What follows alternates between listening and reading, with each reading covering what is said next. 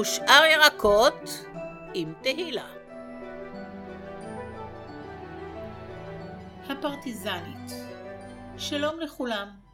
אינה לויטן, גיבורת הסרט הפרטיזנית, השאירה בארץ שתי בנות ויצאה להשתתף במלחמה באוקראינה במשך כחמש שנים.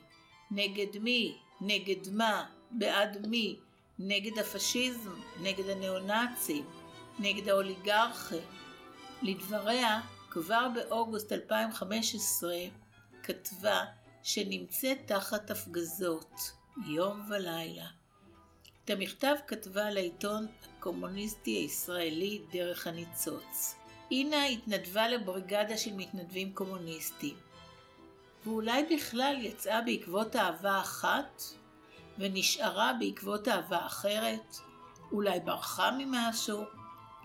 במאי הסרט יבגני ז'ניה נפיודוב.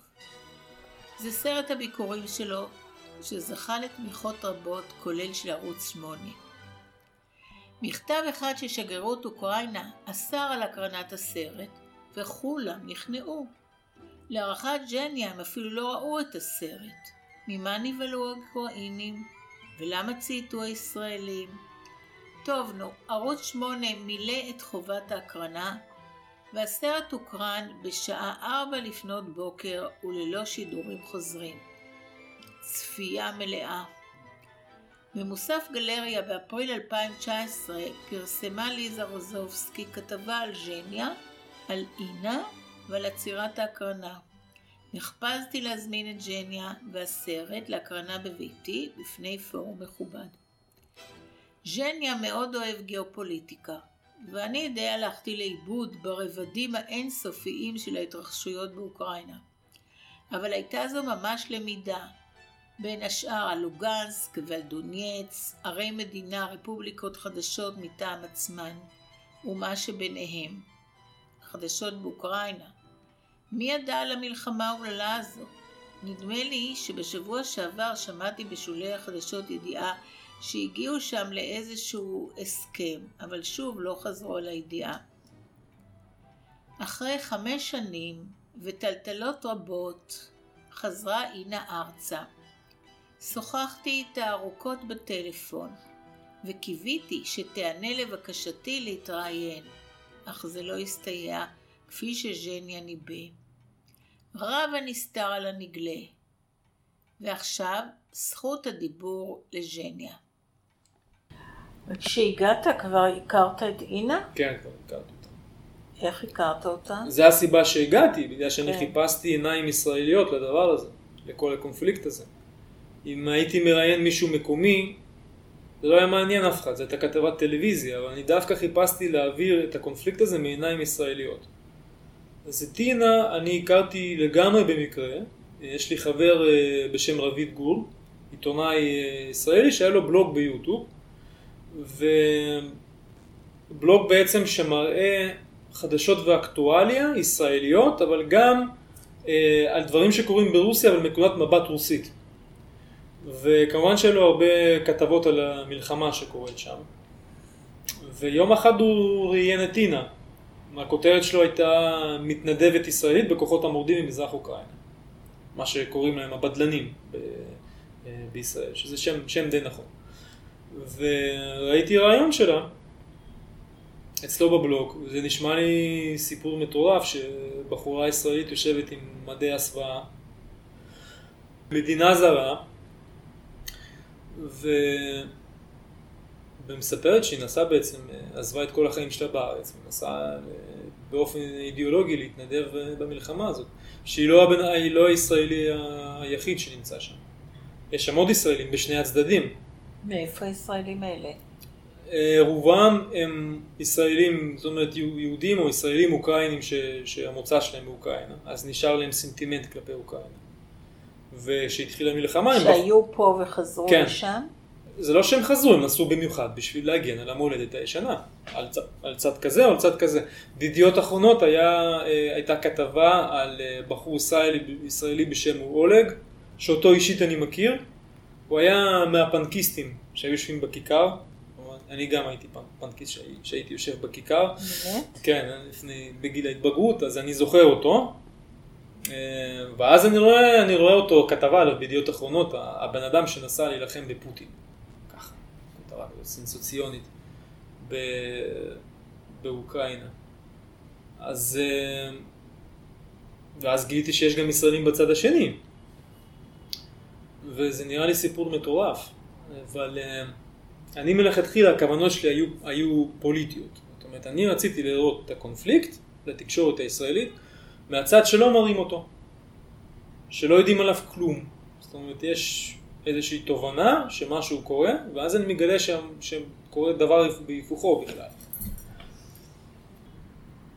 בעצם אה, הבנתי שדרך הינה יהיה קל יותר להעביר את הנרטיב הזה, בגלל שהיא פנים שאפשר להזדהות איתה, ישראלית, היא יהודייה מאמינה. מה זה אה, אומר?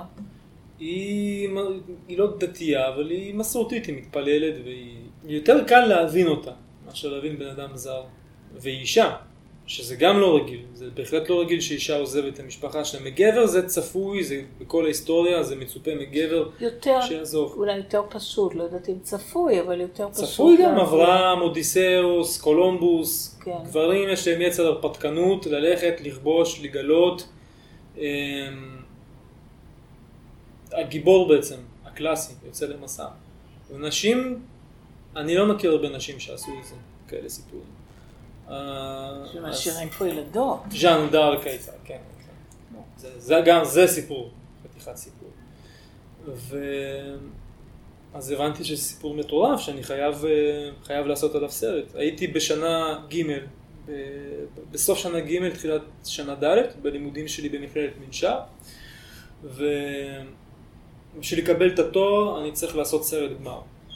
והחלטתי לעשות סרט גמר דוקומנטרי, כי אני מאוד, מאוד אוהב את הז'אנר הזה, וחיפשתי נושאים לעשות עליו.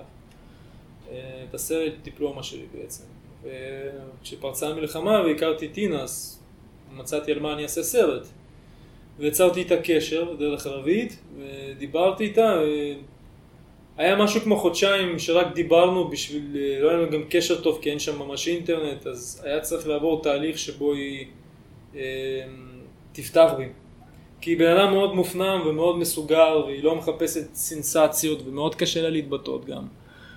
ולקח איזשהו תהליך אה, שהיא הבינה שאני לא איזה עיתונות צהובה שמחפשת סנסציות, שאני באמת רוצה להבין מה קורה איתה, מה קורה עם הקונפליקט הזה. ואחרי שנהיה לה יותר ביטחון בי, אז היא כבר הזמינה אותי וכבר החלטתי לנסוע. וכשפגשת אותה? הגעתי דרך הגבול הרוסי, זה לא כזה, זה לא, זה לא, זה לא, פש... זה לא מסובך, זאת אומרת, להגיע. דרך הגבול הרוסי זה לא מסובך, אתה פשוט מגיע לדרום רוסיה, לעיר רוסטוב, ואתה לוקח אה, אוטובוס מתחנה מרכזית לעיר שאתה צריך במזרח אוקראינה, כי זה די קרוב. ואתה עובר דרך מעבר גבול הרוסי, ושם כבר מתשאלים אותך ושואלים אותך למה באת ומה אתה עושה שם וככה וככה, לא עשו לי בעיות. ואז אני נכנס דרך הגבול האוקראיני, שזה כבר, כבר לא אוקראינה בעצם, זה המדינה החדשה הזאת של המורדים, ושם אה, הכל ישר את רואה, שאיך קוראים לה? אה, הרפובליקה העממית של לוגנסק. אה, בלוגנסק. שם אה, הכל היה מופצץ כבר, כל המכס וכל מה שהיה פעם הגבול האוקראיני, הכל היה מופצץ, ולפי מה שאמרו לי, הם, גם המכס הרוסי, גם הצד הרוסי היה מופצץ, ולפי מה ש... אמר לי בחור שעבד שם במכס, זה שהאוקראינים הפציצו, הארטילריה ארוכת טווח שלהם הפציצה בכוונה את הגבול הרוסי, את הטריטוריה של רוסיה, כדי לגרום לאיזושהי פרובוקציה לתגובה של הרוסים, ואז לרוץ לאמריקאים או לאו"ם ולהגיד הנה הרוסים תוקפים אותם.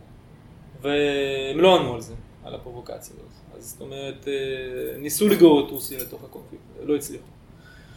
וכשהגעתי לגבול של המורדים, אז uh, הוציאו אותי מה, מהאוטובוס, ראו שאני כתב זר, לקחו אותי לתשאול, תשאול מאוד קל כזה, חפיפני, כאילו מה אתה עושה, מה אתה, מה באת לצלם, מה התוכניות שלך. אמרתי שיש לי פה חברים, שאני עושה סרט, לא עשו לי בעיות, רק נתנו לי לחתום על אה, טופס אחריות פלילית. אז אמרתי להם, מה זה טופס אחריות פלילית? אז uh, הבן אדם שם, איזה סבא בן 70 עם, עם, עם שפם כזה ארוך, נראה כמו קוזק.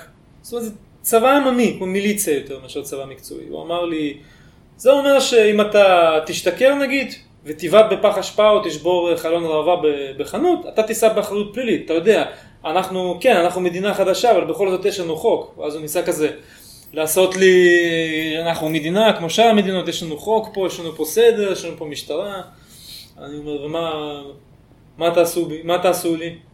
הוא אומר, אנחנו שיכורים אנחנו שולחים לעבודות שירות. אוקיי, סבבה.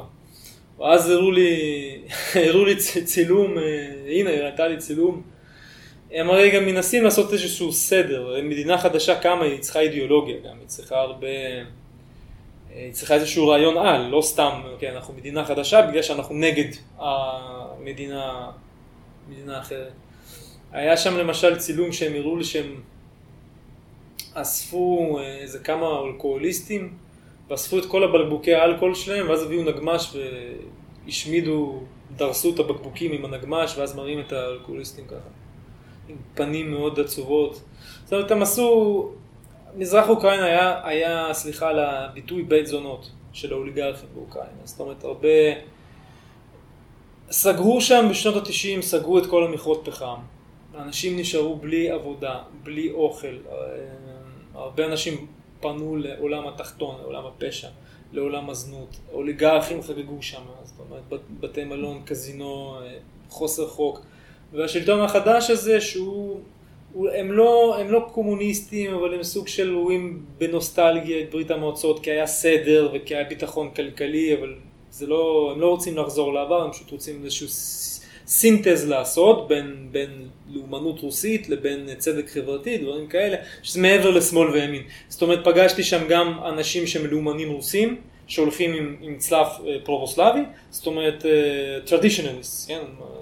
לאומנים רוסים מסורתיים, וראיתי אנשים שהם שמאל מובהק, עם, עם קעקועים של, של טרוצקי ואנרכו קומוניסטים, ו, ויש אנשים פחות או יותר נורמליים באמצע, זאת אומרת, מבחינה אידיאולוגית יש שם סינתס של, של, אין שם בעצם, כמו שיש אצלנו בעולם הערבי, יש שמאל, יש ימין ויש דיכוטומיה כזאת שהם תמיד רבים אחד עם השני, שם יש איזשהו סינתס בשני האידיאולוגיות האלה, הם סגרו שם את כל המכוני ליווי, שלחו את כל הנערות ליווי שם ל- ללמוד, הם סגרו את הקזינו שם, הם גירשו את האוליגרכים, הם פשוט עשו העלמה. זה הכל שם?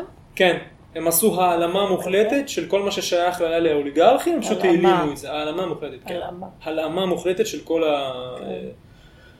אה, הם עדיין עניים, כי זו מדינה שאף אחד לא מכיר בה. המדינות היחידות שסוחרות את זה רוסיה ואוקראינה. אוקראינה עדיין תלויה בהם, בפחם שיש להם. אבל אה, כעיקרון... הפחם הוא בשתיהן? שתי המקומות, שתי כן, המדינות כן. הפוליס האלה? כן, זאת אומרת, אוקראינה מפגיזה את המדינה החדשה הזאת, יש צילום מדהים של אה, בחלקוב, באזור של ממשלת אוקראינה אה, שולטת, יש צילום של פסי רכבת בעצם, יש רכבת, שיירה של רכבת שנוסעת למזרח אוקראינה לחזית של ארטילריה וטנקים, ויש רכבת מלאה בפחם שבאה מהאזור של האויב שלהם עם פחם, זאת אומרת כי אין ברירה, צריך איכשהו להתחמם בחורף.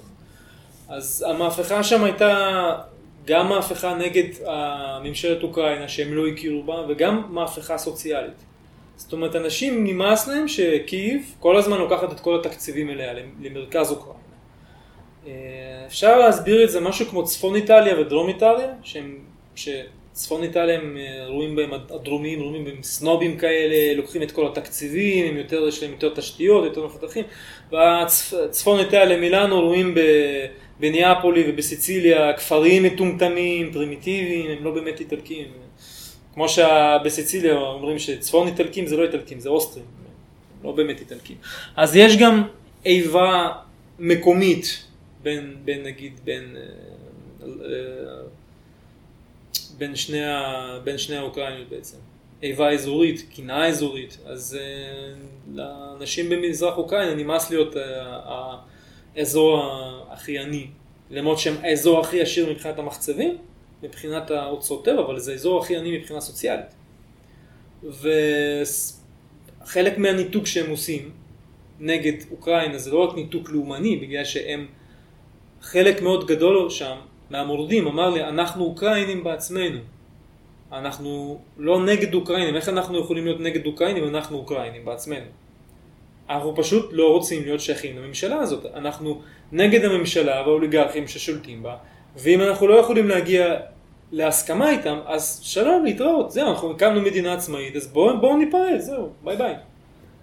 אז זה יותר מסובך ממה שחושבים, כי בעיתונות קוראים להם פרו-רוסים. לא יותר, זה יותר מסובך, מסובך ממה שחושבים, זה פשוט מסובך. זה, יש, יש um, הרבה קליפות לדבר הזה, וגם זה לא נכון, למשל, זה גם לא נכון להגיד שכולם באוקראינה, אה, במערב אוקראינה או מרכז אוקראינה, אוקראינה הלאומנית שהם כולם נאצים. זה גם לא נכון, יש שם, נכון, יש שם סגידה, באוקראינה יש סגידה, שהתחילה מאז תחילת שנות ה-90 ללאומנים אוקראינים שרצחו יהודים, ששיתפו פעולה עם נאצים, כמו סטפן בנדרה, כמו אנשי אס-אס אוקראינים, מאדירים אותם על, על רקע ממלכתי. יש הלוויות ממלכתיות לאנשי אס-אס אוקראינים.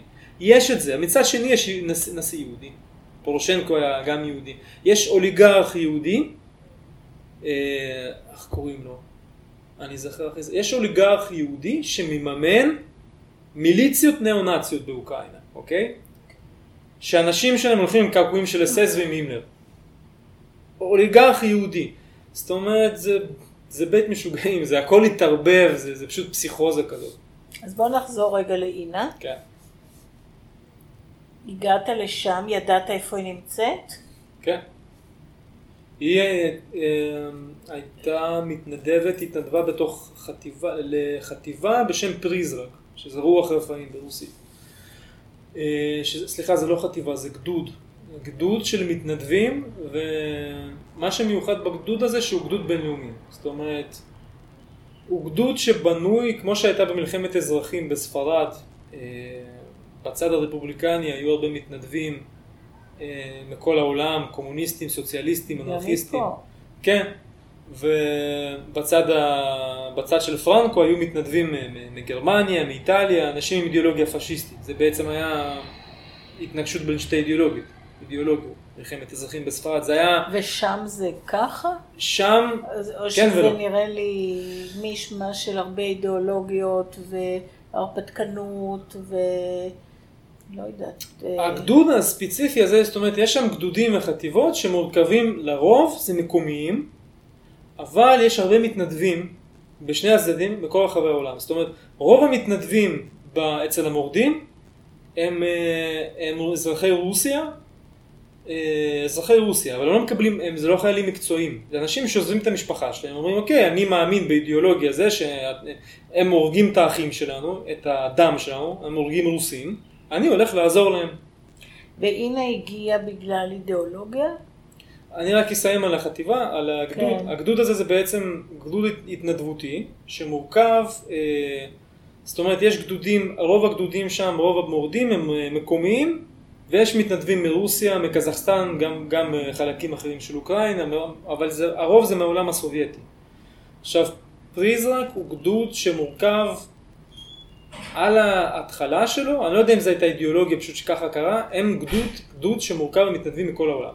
זאת אומרת הרוב הם מקומיים או אקס סובייטים וכל השאר הם זרים, זאת אומרת פגשתי שם אה, קומוניסטים איטלקים, פגשתי שם אה, בחור, אה, לא, סליחה, בחורה סרבית, לא פגשתי אותה אבל הייתה שם בחורה סרבית, הרבה סרבים אגב מתנדבים שם כי, כי סרבים ורוסים מאוד קרובים. רוסים התנדבו במלחמות של סרביה בשנות ה-90. הרבה אזרחים פרטיים נסעו מרוסיה. אה, בגלל הפרובוסלביות וכך הלאה. ופגשתי שם, היו שם צרפתים, יוונים, היה בחור, אה, בחור גבר אה, סורי, נוצרי, שגם התחברנו, דיברנו איתו, הוא ידע שאני מישראל, לא הייתה לו בעיה עם זה. היו שם כן, בעיקר איטלקים, פיני, היה בחור פיני, אה, ואינה, ישראל, אינה ישראלית, והיה את העוד בחור ישראלי שהיה שם, ואחרי זה הוא פרש. אז זאת אומרת, הגדוד הזה הוא גדוד התנדבותי, שהם אומרים את עצמם גדוד קומוניסטי. זאת אומרת, יש להם אידיאולוגיה, אידיאולוגיה סוציאליסטית קומוניסטית. ומפקד הגדוד, קוראים לו שפצ'נקו, הוא אוקראיני אתני. אז, אז, אז ככה, זה מסובך. אה, יש אפיזודה שהפכה לבדיחה כבר, החטיבה של, כן, כמו שאומרים, המורדים הם פרו-רוסים, האוקראינים, חטיבה, אה, חיילים אה, בדלנים רוסים, כן, מפגיזים איזה עמדה של הצבא האוקראיני וצועקים להם, חיילים אוקראינים תיכנעו, והחיילים האוקראינים עונים להם בתגובה, רוסים לא נכנעים. את מבינה? זה... ההיפרדות הזאת בין אוקראינים לרוסים זה, זה היפרדות מלאכותית. ויש הרבה גורמים בינלאומיים שמשחקים על זה. אוקראינה היא כלי מאוד חשוב, מאוד מאוד חשוב ב, בכל הקונפליקט הגיאופוליטי בין העולם האטלנטי, שזה הברית, בריטניה, כל העולם, אה, אה, העולם האטלנטי ככה אני קורא, לבין, ה, לבין רוסיה. אוקראינה היא מה שפולין פעם הייתה במשחק הזה. זאת אומרת, היא כן רוסיה, אבל היא לא ממש רוסיה. והאוקראינים בעצמם מנסים להבין, אוקיי, מי אנחנו? אנחנו רוסים, אנחנו לא רוסים, אנחנו מישהו חדש. ככה זה. זה... יש איבות מאוד גדולות בין עמים דומים, בין עמים אחים. מלחמות הכי נוראות. כנראה, כן. כי עזר, זה כמו שהיו, קראתי פעם אה, זיכרונות של חייל הסובייטי במלחמת העולם השנייה, ושאלו אותו איך התייחסת לגרמנים. הוא אומר, כאילו, אה, שאלו אותו איך, איך התייחסת להיות הבוגדים, מתנדבים רוסים או סובייטים שהתנדבו אצל הגרמנים. הוא אמר, ירינו בהם, לא לקחנו אותם בשבי. את הגרמנים התייחסנו אליהם בסדר, כאילו לקחנו אותם בשבי, השארנו אותם לחיות, בגלל שאת הגרמנים לא היה לנו שום דבר אישי נגדם, הם חיילים של האויב, הם, הם, הם, הם כובשים, הם רוצחים, הם חארות, הם פשיסטים, אבל הם נלחמים בשביל המולדת שלהם. והאלה הם בדיוק כמונו. ומי שבגד פעם אחת, יבגוד שוב, אז בגלל זה אנחנו לא לקחנו אותם בשבי. ככה, יש תמיד איבה מאוד גדולה בין, בין עמים דומים. וליווית את אינה ב... במקומות השונים. בסרט אתה פשוט ממקום. כן, שלא זה- הייתה שום בעיה? זה לא היה מתוכנן. זאת אומרת, כשאני הגעתי אליה, התוכנית שלי הייתה לצלם אותה בגדוד הזה. זאת אומרת, פעם ראשונה שהגעתי אליה, אה, נסעתי באוטובוס, עברתי דרך הגבול, הגעתי למדינה החדשה הזאת, נפגשתי איתה, הגעתי לגדוד, המקום שהגדוד מוצב בו, בחזית ממש. ופעם ראשונה שלי הייתה שמה שבועיים או שלוש. אה, זה היה, נסעתי בשתי נגלות בעצם. פעם ראשונה נסעתי באוקטובר, כן, פעמיים לחודשיים. ופעם שנייה במרץ. זאת אומרת, הגעתי באוקטובר, צילמתי את החלק הראשון של הסרט, חזרתי לישראל, הראיתי את החומרים לקרן החדשה, זכיתי אצלם במכרז, היה להם תחרות של סרטי סטודנטים, סרטי גמר של סטודנטים, למי יש את הרעיון הכי טוב, מי שיש את הרעיון הכי טוב מקבל 40 אלף שקל תמיכה, וחוזה עם ערוץ 8. אז ניצחתי בתחרות הזאת, הם אהבו את החומרים, כי נושא הוא נושא. כן, וזהו, חתמתי איתם, נתנו לי תמיכה כספית כדי שאני אסע פעם שנייה וכבר אני אסיים את כל הסרט. ובפעם השנייה שנסעתי דברים השתנו. זאת אומרת שהגעתי לשם באוקטובר, היא הייתה בגדוד, ולקראת סוף הצילומים היא הייתה כבר עם רגל אחת מחוץ לגדוד. היא הכירה שם בחור, אה, חייל בגדוד, סוג של אה, רמבו מקומי כזה, אה, שהתאהבה בו. זאת אומרת, פעם ראשונה שהיא הגיעה, נתחיל, נתחיל לפי הסיפור שלה, פעם ראשונה שהיא הגיעה, למה הגיעה בעצם לאוקראינה? היא טוענת שזה היה מסיבות אידיאולוגיות, אבל האמת היא שפעם ראשונה שהיא הגיעה לשם זה לגמרי במקרה. זאת אומרת, היא התגרשה מבעלה, הייתה נשואה, והנישואים היו קשים, והם לא הסתדרו, והתגרשה מה, מהבעל, ומצאת עצמה בכל מיני בעיות כלכליות, והיו לה שתי ילדות, שלבעל היה מצב כלכלי יותר טוב, אז הילדות העדיפו להיות איתו יותר זמן. ויום אחד היא הכירה בחור שהמוצא שלו משם, מזרח אוקראינה, בחור ישראלי, והם פיתחו סוג של מערכת יחסים, וכשהמלחמה פרצה במזרח אוקראינה, הבחור הזה, בגלל שהוא הגיע משם, הוא החליט לנסוע לשם ולהילחם אה, לצד המורדים. זאת אומרת, היא לא, היא לא נתנה לו את הברכה על זה, זה שהוא מחליט על זה, אבל היא גם לא, היא לא יכולה לעשות שום דבר. אז הם נסעו והם התכתבו, ואז הקשר פשוט ניתק. והקשר שם בעייתי, אין שם אינטרנט, התקשורת שם מאוד בעייתית, כי כל התשתיות הרוסות. אז אה, היא החליטה לנסוע לחפש אותו. זאת אומרת, זה היה אקט רומנטי בעצם. בן אדם לא יודע, בן אדם נעלם, נסע כאילו ונעלם ולא ברור מה קורה איתו. אה, צריך הרבה אומץ בשביל זה ותשוקה. אז זה חתיכת דבר. אה, היא נסעה לחפש אותו, בדרך היא מצאה כל מיני אנשים שתמורת כסף, כל מיני נוכלים שתמורת כסף מחפשים אנשים ולקחו מן הכסף, ונוכל אמר שהוא נהרג, והיא לא האמינה לו, היא המשיכה לעשות את זה לבד, והתגלגלה למזרח אוקראינה, והיא... רק, על זה, רק על החיפושים שלה אפשר לעשות סרט בפני עצמו. בסופו של דבר היא מצאה אותו, התברר שהכל טוב איתו, אבל uh, לא חוזר לארץ.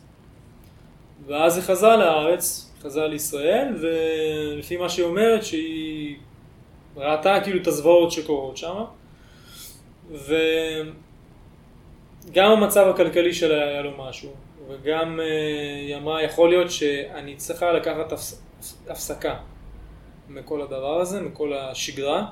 לשים באמת אולי עדיף לילדות שלי להיות עם, עם הבעל, הגרוש שלי, כי המצב הכלכלי שלו טוב, ואני לא במצב, אני במצב של מערבולות כל הזמן. אז יכול להיות שאני צריכה לעשות איזושהי הפסקה.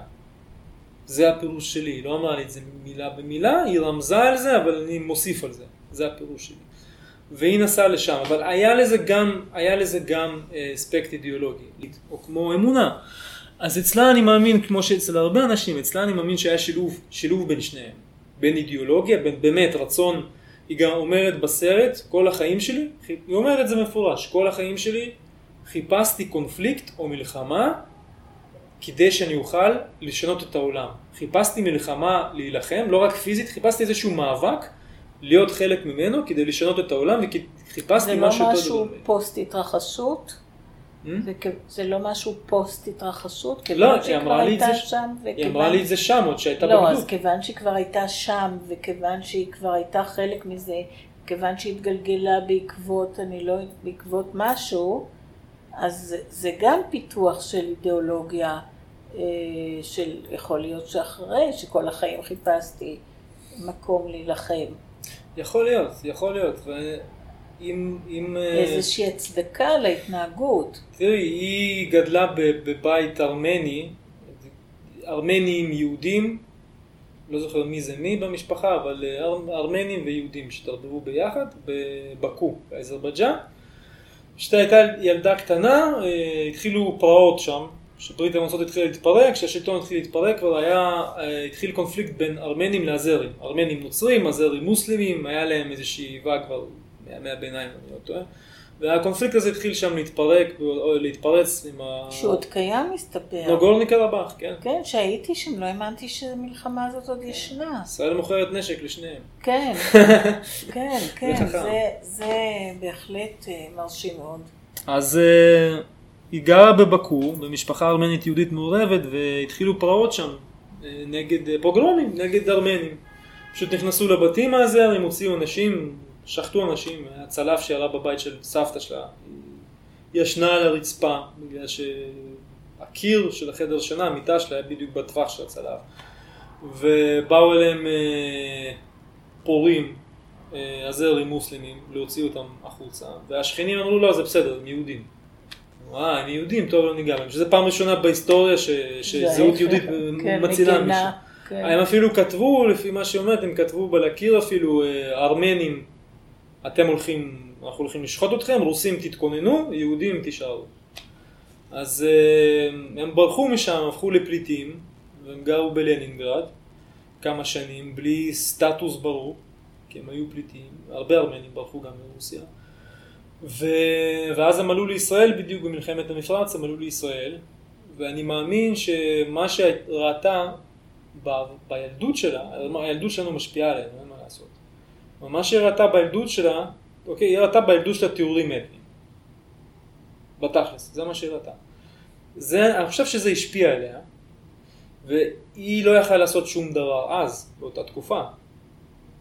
עכשיו היא סוג של רואה את אותו דבר קורה במזרח אוקראינה, כי באמת האזרחים שם סובלים. הצבא האוקראיני מפגיש שם ללא רחמים, עם זרחן לבן, עם פצצות מצרר, אני ראיתי את זה בעיניים שלי. ראיינתי אנשים שסיפרו מה, מה הצבא האוקראיני עושה שם. אה, את לא תשמעי על זה אף מילה בחדשות. אה, שהצבא האוקראיני עושה נגד האוקראינים. נגד האזרחים באזורים של המורדים. כן. כי אין מה לעשות, רוב האזרחים גם תומכים שם במרד הזה. זה הפצצות טרור, לשבור את המורל של האויב.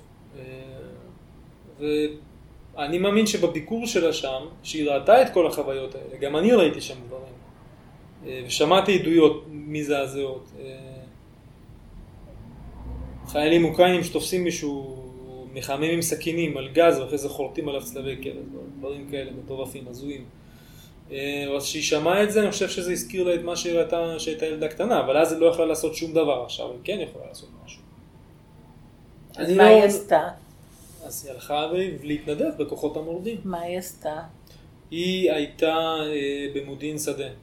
זאת אומרת, אה, לפי מה שאני יודע, היא לא, היא לא נלחמה אה, כמו חי"ר, זאת אומרת, אה, קשר, מפות, אה, מחשבים, תקשורת, פה היא הייתה בצבא? מודיעין שדה. כן, היא הייתה בצבא, היא לא יכולה להגיד איפה, Mm. היא גם התחתנה באמצע השירות, אז היא יצאה משהו, אני חושב שגם משהו שקשור למפות, כי ראיתי תמונות שלה שם שהיא משרטטת מפות, אז אה, קרטוגרפיה, אני חושב, כל מיני דברים כאלה. גם לא יכולה להגיד על זה יותר מדי. אמ, זה מה שעשתה שם, וכשהגעתי לבקר אותה, היא כבר הייתה במערכת, במערכת יחסים, שזה לא נדיר, יש שם משפחות שלמות שמשרתות, זה לא צבא מקצועי, כמו צה"ל או כמו האמריקאים, למרות שצה"ל זה צבא עממי, אבל זה צבא עדיין סדיר, מקצועי. שם זה התחיל כמו הפלמ"ח וכמו ההגנה, זאת אומרת מיליציות פרטיזנים, עכשיו יש שם כבר צבא סדיר, כלומר שכבר קצינים מקבלים משכורות וכבר, זאת אומרת יש משהו מסודר. אז זה עדיין כאלה מיליציות, אנשים כאילו על חצי אזרחי או על חצי צבאי, עם קלשניקובים חלודים, ו... אה, שזה מוכיח אגב שלא רק טכנולוגיה, גם, גם רוח מאוד, אה, כי מבחינה חומרית הצבא האוקראיני הוא בעדיפות, אבל אה, חשוב לדעת על מה אתה נלחם. רוח הרבה יותר חשובה מ... מווייטנאמים הוכיחו את זה למשל. אבל בכל אופן, יש שם משפחות שלמות שמתגייסות. ראיתי שם במוצב בגבול שיש שם משפחה שלמה שמשרתת, זאת אומרת בעל, שני בעלים עם הנשים שלהם ועם הילדים שלהם שמשרתים שם וכל אחד אה, תורם לפי היכולות שלו. והרבה מקומות גברים נשים ביחד אז מן הסתם נוצרים מערכות יחסים אז היא הייתה שם עם אה, הבחור הזה שהתאהבה בו, אלכסיי. ו... ובפעם השנייה שנסעתי המצב השתנה. זאת אומרת, היא החליטה לנסוע, הבחור הזה היה מתנדב מרוסיה, והיא החליטה לנסוע, לקחת חופש מכל הלחימה הזאת, והיא החליטה לנסוע איתו לבית שלו ברוסיה. הוא גר באיזה כפר במרכז רוסיה, ולבנות שם חיים חדשים איתו. וזה לא ממש עבד. הבחור הזה הוא, גם כשהייתי שם, פוסט-טראומטי, נכון? הוא היה בסדיר שלו, בשנות ה-90 בסדיר שלו, הוא היה, הוא השתתף במלחמה הצ'צ'נית. זאת אומרת, היה חייל בצבא הרוסי הסדיר, הוא השתתף במלחמה הראשונה בצ'צ'ניה, ב-96, שהוא היה עוד סדירניק. ושם, לא יודע, קרה מה שקרה שם, אבל הוא, הוא פוסט-טראומטי, זאת אומרת, הוא... אם הוא שותה, בצו, ב, ביום יום כשהוא פיקח הוא כאילו בן אדם נורמלי, שקט, לא, לא רואים איזשהו משהו אבנורמלי איתו, אבל איכשהו שותה קצת, הכל אצלו פשוט uh, מתהפך, יש לו כל מיני הזיות, סרבוב של שתייה לבין uh, החוויות שהוא עבר, והיא הגיעה לחיות איתו בכפר הזה, וכמובן הוא התחיל לשתות, והפוסט טראומה שלה התחילה, התקפי זעם וכל מיני דברים כאלה, והיא ברחה ממנו. פשוט היא לא יכלה לעזור לו. היא גם אמרה לי, כששאלתי אותה, אמרתי, תשמעי, אז את יודעת שהבחור בעייתי קצת, כן? בחור הגיע אליי לחדר, שיכור, התחיל לספר לי, טנקים יורים עליו, כל מיני דברים, כל מיני ג'יבריש, דברים הזויים. אתה הגעת לכפר. כן. לפני, באוקטובר עזבתי, כשחזרתי במרץ הייתה כבר ברוסיה, כבר לא הייתה במזרח אוקראינה. אמרתי לה, אולי זה לא, לא רעיון כזה טוב, כי האדם קצת לא... אז היא אמרה שלא, כוח האהבה ינצח את הכל. היא תעזור לו, היא תציל אותו, היא רוצה אותה, מטפלת כזאת. מושיעה, היא תאלף את הפרא. אז זה לא ממש עבד, היא ברחה ממנו, והיא התגלגלה, היא מצאת עצמה במדינה זרה. בגדוד היא הייתה בגדוד, את יודעת, בצבא זה כמו בצבא, יש אוכל, אומרים לך מה לעשות, יש סדר. ושם היא מצאת עצמה במדינה זרה, בלי מעשה בעצם, בלי איזשהו סדר יום, בלי כסף, אה, תקועה בכפר, באמצע שום מקום, מינוס 40 מעלות שלג, זה היה בדצמבר, פברואר, ינואר, פברואר. ואיכשהו התגלגלה לבית של נהגת מונית מקומית בשם נינה, שחיה עם, אה, עם אה, הבת שלה, יש לה בת גדולה, לבת יש בת, זאת אומרת הנכדה שלה ובן שלה. משפחה קטנה כזאת. בעלה נפטר לפני הרבה זמן, והם סוג של אימצו אותה. התחילה לחיות איתה, והם אימצו אותה, והגעתי בדיוק בצילומים בפעם שנייה, הגעתי כש... כשאינה הייתה אה, אחרי הפרידה הזאת, מהבן זוג הבעייתי. ו... וגם ראיינתי את המשפחה, המשפחה זאת אומרת ממש אימצה אותה. זאת אומרת, אנשים גם פשוטים, זה לא, אנשים נטולי אגו. הם חיים בעוני. רוסיה מאוד התפתחה כלכלית, אבל הקטע, האירוניה, שאני הייתי למשל ברוסיה בפעם האחרונה, הייתי בדרום רוסיה, כדי לנסוע למזרח אוקראינה אתה צריך ללכת בדרום רוסיה, ראיתי שם דברים מדהימים מבחינת העושר, כל הכפרים הרוסים שאת רואה בספרים של דוסטויבסקי ובסרטים, עם כל הבתים מתפרקים, עכשיו יש שם כאילו עשרות אה, כפרים שנראים כמשהו שמהולנד או מגרמניה, זאת אומרת בתים מפוארים וחקלאות מאוד התפתחה שם. והמצב אה, הכלכלי בוא נגיד בהשוואה לשנות ה-90. זה התעשרות של אנשים פשוט?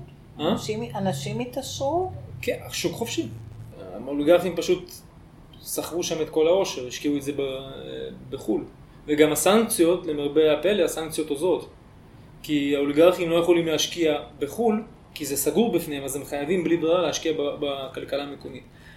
אבל באירוניה, הנקודה הכי ענייה ברוסיה, זה מרכז רוסיה ממש ממש ליד מוסקבה. מוסקבה עיר סופר עשירה, סופר יקרה, אה, אבל אם את מתרחקת כמה עשרות קילומטרים ממוסקבה, זה, ברוסיה זה נקרא הקו האמצעי.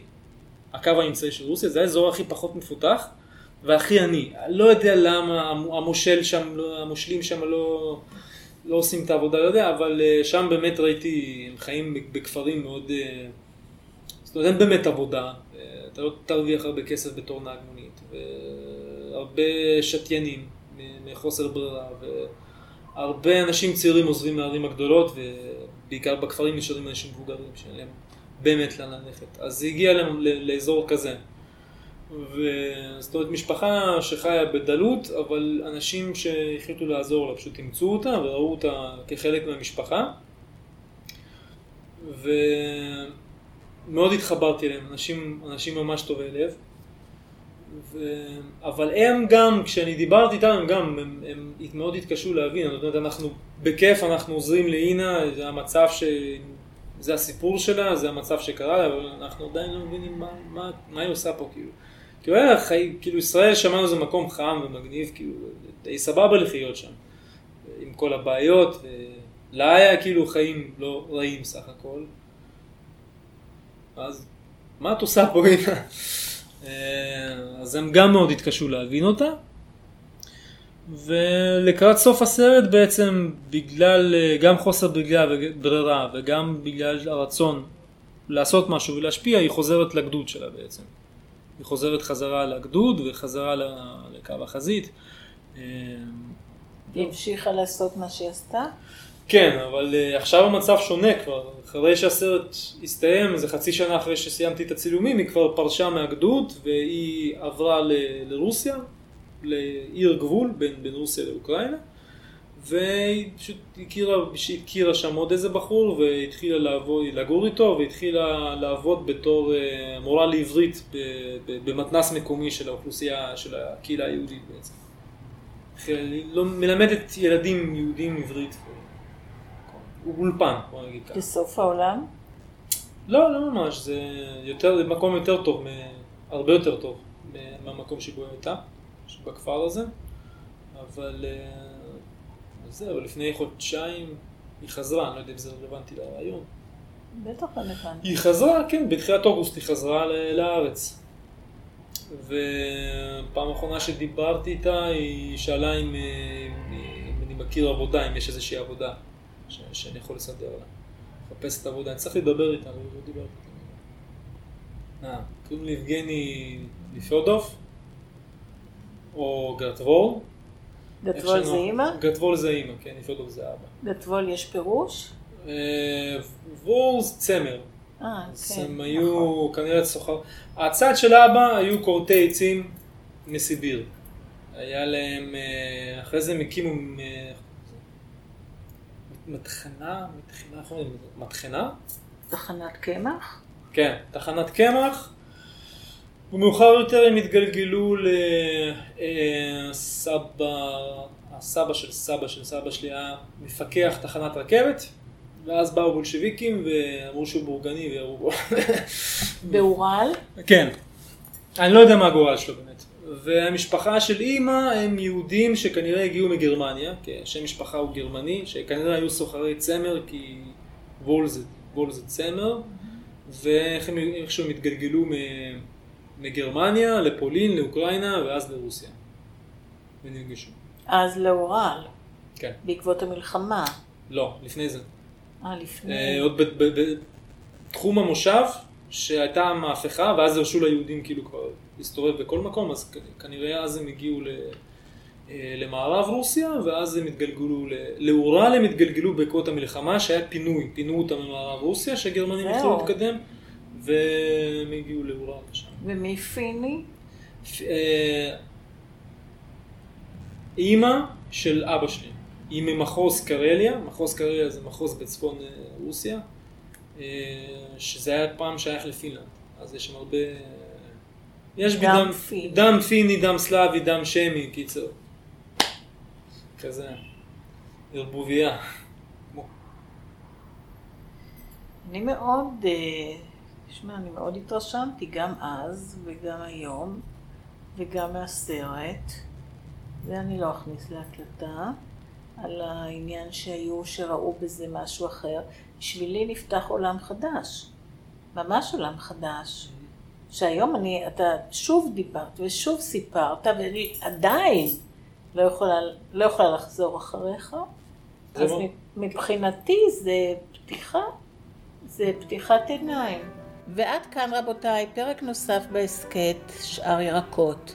המייל שלי להערות, רעיונות ועוד, תהילה ג'יי, לא ג'י, ג'יי, ג'ימייל דוט קום. תודה ולהתראות, תהילה.